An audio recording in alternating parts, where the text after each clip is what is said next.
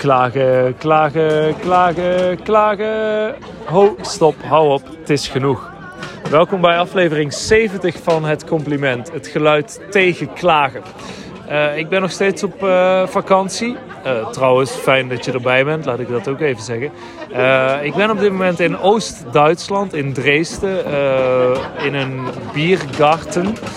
En ik heb hier allemaal leuke, interessante mensen ontmoet in het hostel waar ik verblijf. Dat is Lily Hostel. geweldig hostel, om maar meteen te beginnen met een compliment. En... Um, ja, deze afleveringen zijn iets anders dan de normale afleveringen van het compliment. Als je zoekt op de zwervende zomerspecials, dan krijg je dit soort afleveringen waarin ik met iemand die ik ontmoet een compliment dat zij ooit hebben ontvangen bespreek.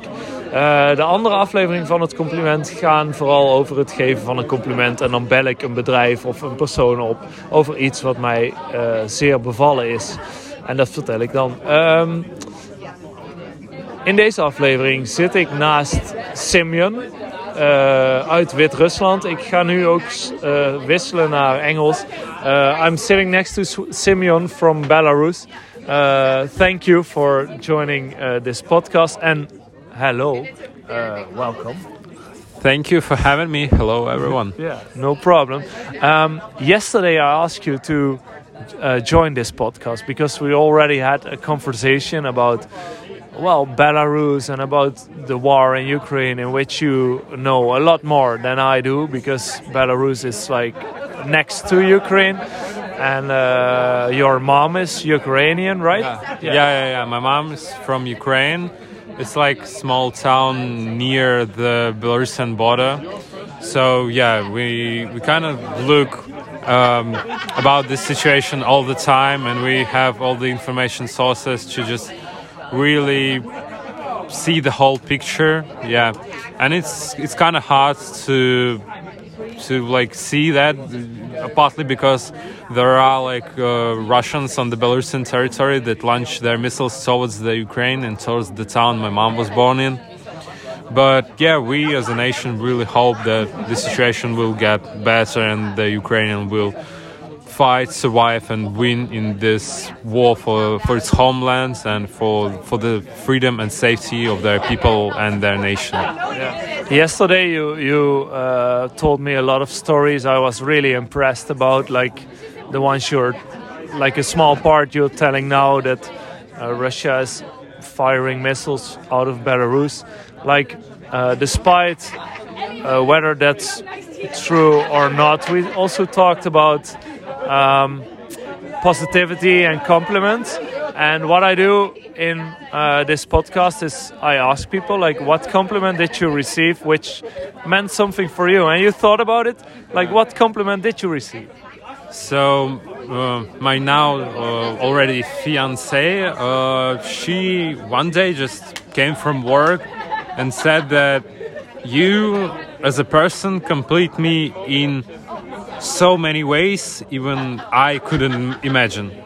And for me, that was extremely, extremely intimate just because um, every person begins with itself. We're very egocentric as a human beings. And sometimes if you if you really think you know yourself and there's some person that is so dear to you and means so much that even you yourself cannot value that and it's the same situation on the other side. It's really special and you just feel the connection and feel that the the, the, the person that is next to you is like the, the closest human you could ever wish on this planet. Wow. That's that's really like uh, a very like I, I I even think like what should I ask more? This yeah. is like a very good explanation. But can you describe because I can tell the way you uh, talk about it that it really meant a lot uh, to you. Ciao, like adios. Uh, other hostel people are saying goodbye. No problem. Thank you. Uh, good. Yes. Good night. Good night. Um, anyway, um, it that I could tell that it means uh, a lot to you, the way you talk about it. Can you tell what um, you felt when she said that to you? Uh, I think I felt like in those, you know, those times where you like, you know, it's it's a happy times, but it's not like your past yet. So I was feeling that this this very important, very crucial moment for me as a person, and I was really relieved and happy to to fully understand of how much I care about her and how much she cares about me, and this complete uh, transparency and complete understand understandings between us were so full and so complete that I just feel happy and peaceful as I've never felt in my life. It, it is really special also if I think about it because you are 23 years old which is really young in my opinion. Like in the Netherlands it's not used to get engaged uh, at that age already. Um, yeah what did you what what do you think about it? Like in that way that you are uh, so young and that you already have this feeling which if i'm honest uh, i've never even experienced. Like no not any uh, girl gave me such a big compliment. Uh, well i think that i just came to understand through through the whole living in belarus where you fear every time you come home or you like don't want to tell any details to your colleague because maybe he's like an agent and he and he could rat you out you start to really live in the moment in a way that you start to appreciate all those little things. And now, for me, I'm not afraid of being foolish. I'm not afraid of not being correct. But now, if my feelings are true, and if I'm honest with myself, if I'm honest with my partner, I feel that this is the right decision and this is the right direction. So, in the worst case scenario, I will be another divorced dude, right? And in the best case scenario, I'm not wasting my time of uh, proposing to the love of my life. So, uh, in also in a way, you say like when the situation in uh, your country, in this case Belarus, is is fragile.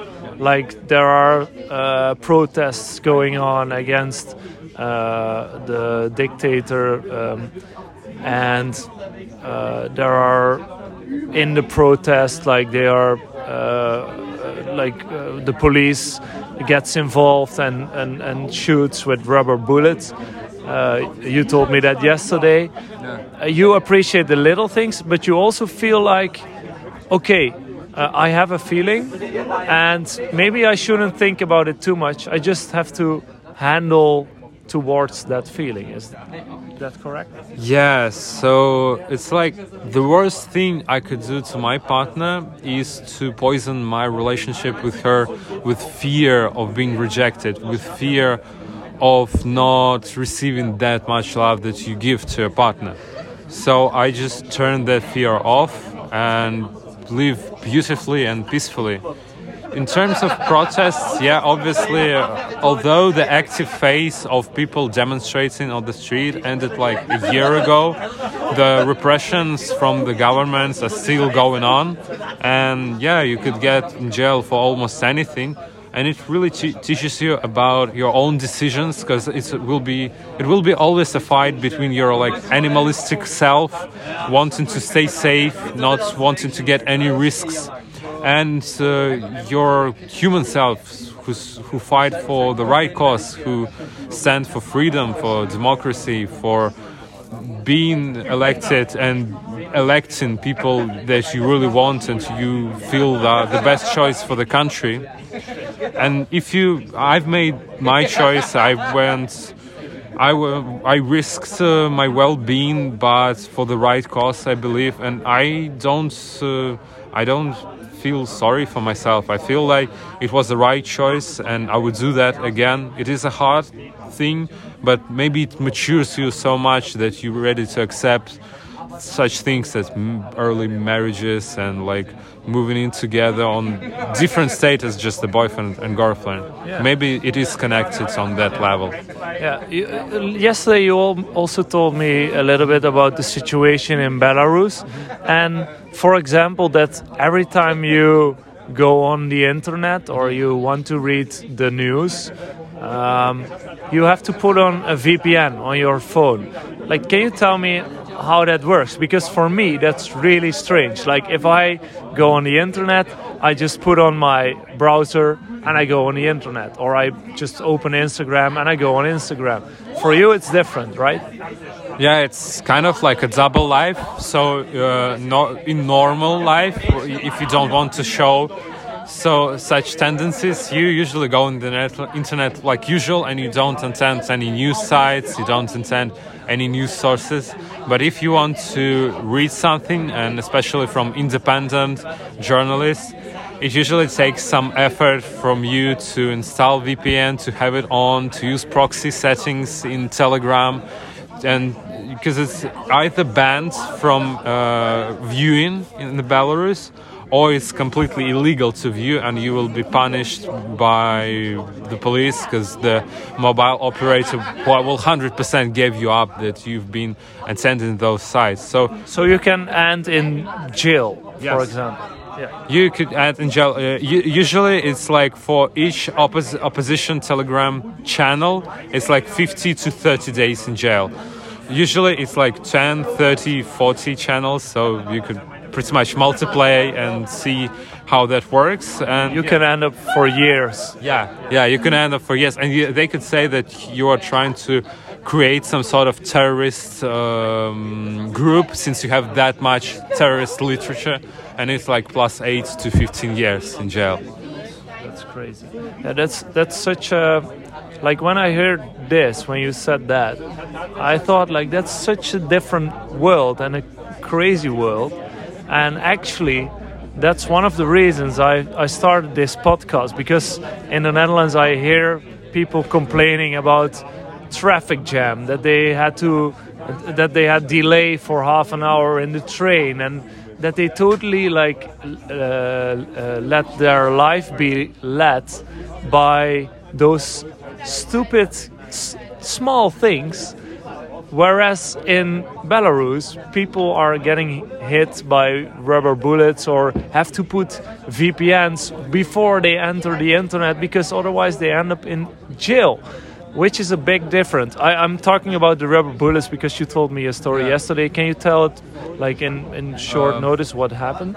Yeah, so it was 2020, and uh, almost right after the election, uh, the Lukashenko he refused the, to agree that he lost. He painted himself some absurd number of 80% voting for him, and people were outraged.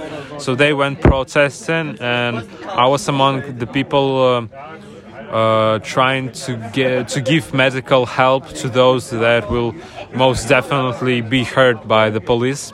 So I was doing that, and after the main phase of the process, when we saw that people were coming home and they were tired, we get we were like guessing that we should go home too. And uh, on the way our, to our homes, there were a park with the KGB unit in there.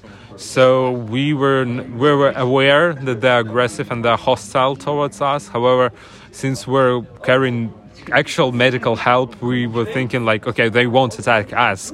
So they're like, at least they will do that. I mean, we had like a right the red cross on on the backs. But since well, since we're not we're not that well informed back then. Uh, we showed it to to the KGB units, and they Like like the Red Cross sign? yeah, we showed them the bags with the with the drugs that we used to, to, to treat people with, and they started shooting at us. A friend of mine was hit by an, like a, a big rubber bullet, and uh, I was penetrated by the rubber buckshot, which which is like small, small, small mushrooms, and one was stuck in my leg. Yeah. And um, so, back to the thing I, I just said, like, what do you think about then when you hear uh, me from the Netherlands, where nothing happens, uh, and where people are really like this is a real situation, like complaining about those little things. Um, what do you think about that situation? Like, it's a paradoxical situation, if you ask me. Yeah, yeah. Uh, to my knowledge, I wouldn't say that you shouldn't feel bad for yourself because there are people who are in the worse situation than you. But what I can give you, like as an advice, that hard times usually provide you with some of the best decisions you can you can make. And like there is no situation in the world that you can you, you couldn't do anything. So knowing that that you can handle it you you are as a person more than capable of dealing with most of the stresses in modern life i think it should really improve on your attitude and how much positiveness you bring into the world.